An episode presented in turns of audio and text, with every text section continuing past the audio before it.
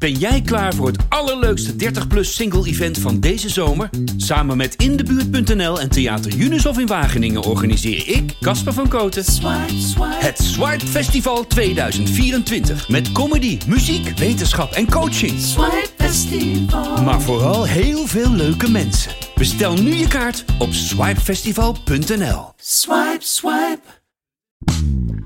Dit is Casper's nieuwe uit Volkskrant. Column nummer 11. Eén klok die tikt voor twee. Er volgde een dagenlange stilte. Dat was wel vaker gebeurd, maar deze stilte had iets verontrustends.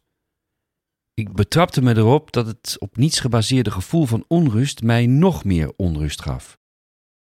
Leer toch eens dat dit verstikkende online spel van vraag en aanbod niet anders kan worden gespeeld dan zo.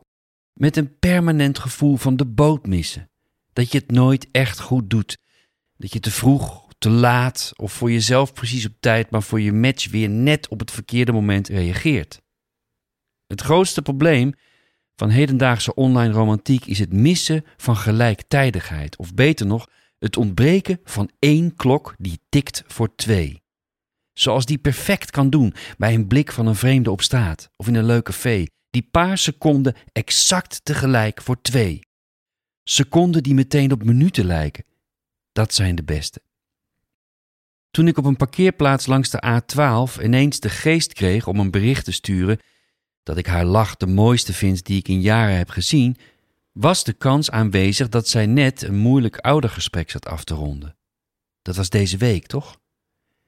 De docent had zijn nadrukkelijke zorgen uitgesproken over het steeds verder van het pad raken van haar jongste zoon, stelde ik me voor. Na het gesprek, toen ze terugreed naar huis, verdrietig en onthutst, niet wetend hoe ze zonder ingrijpen van haar lamlendige ex deze klus alleen ging klaren, zat ik nog steeds te wachten op de parkeerplaats, hopend dat ze mijn compliment nu wel snel zou gaan lezen. Maar ik voelde aan alles dat haar klok die dag anders tikte dan de mijne. Pas toen ze thuis was, wat bijgekomen na een koffie en een boterham, zag ze mijn bericht. Ze glimlachte half, maar had niet de puf om te reageren. Ik was inmiddels doorgereden. Het hele verzonnen verhaal over haar oude gesprek en de rest van haar middag was mijn invulling geweest van de angstige wachttijd op haar reactie, die nog steeds niet was gekomen. Is er iets, je bent zo stil, appte ik een dag na mijn laatste bericht aan haar. Ik hield het inmiddels niet meer. Ik had gezworen om die vraag nooit te stellen, laat staan te appen. Ik haat appen eigenlijk. Het woord appen alleen al geeft mij het zuur. Waarom doe ik het dan? Nou, we hadden elkaars nummer en waren met consensus uit de dateomgeving gestapt. Daarmee ontstond direct een nieuw probleem. Door de mogelijkheid van appen denk je automatisch ongelimiteerd toegang tot andermans klok te hebben en dient de ander voor je gevoel de hele dag beschikbaar te zijn, wat waanzin is. Appen maakt meer kapot dan je lief is. En niet alleen voor beginners. Ook koppels die al jarenlang samen zijn, proberen elkaar kapot te klokken. Ik kende een stel dat als het face-to-face niet meer uit een conflict kwam, wat steeds vaker gebeurde omdat de relatie ten dode was opgeschreven, alleen maar append verder communiceerde. Lag zij boven op de slaapkamer woedend naar beneden te appen, in hetzelfde verdomde huis. En hij kon niet doen alsof hij even iets anders aan het doen was en daardoor niet kon reageren, omdat ze wist dat hij er nog zat. Hij, ook woest inmiddels, schoot appjes terug naar boven en wenste ondertussen dat iemand hem kwam redden uit deze absurde tekstoorlog, waarin geen vragen meer werden gesteld, maar alleen nog digitale vuurballen over en weer vlogen, en waarin ze met kramp in beide duimen samen vochten tegen het verwoestende gebrek aan één klok voor hen samen.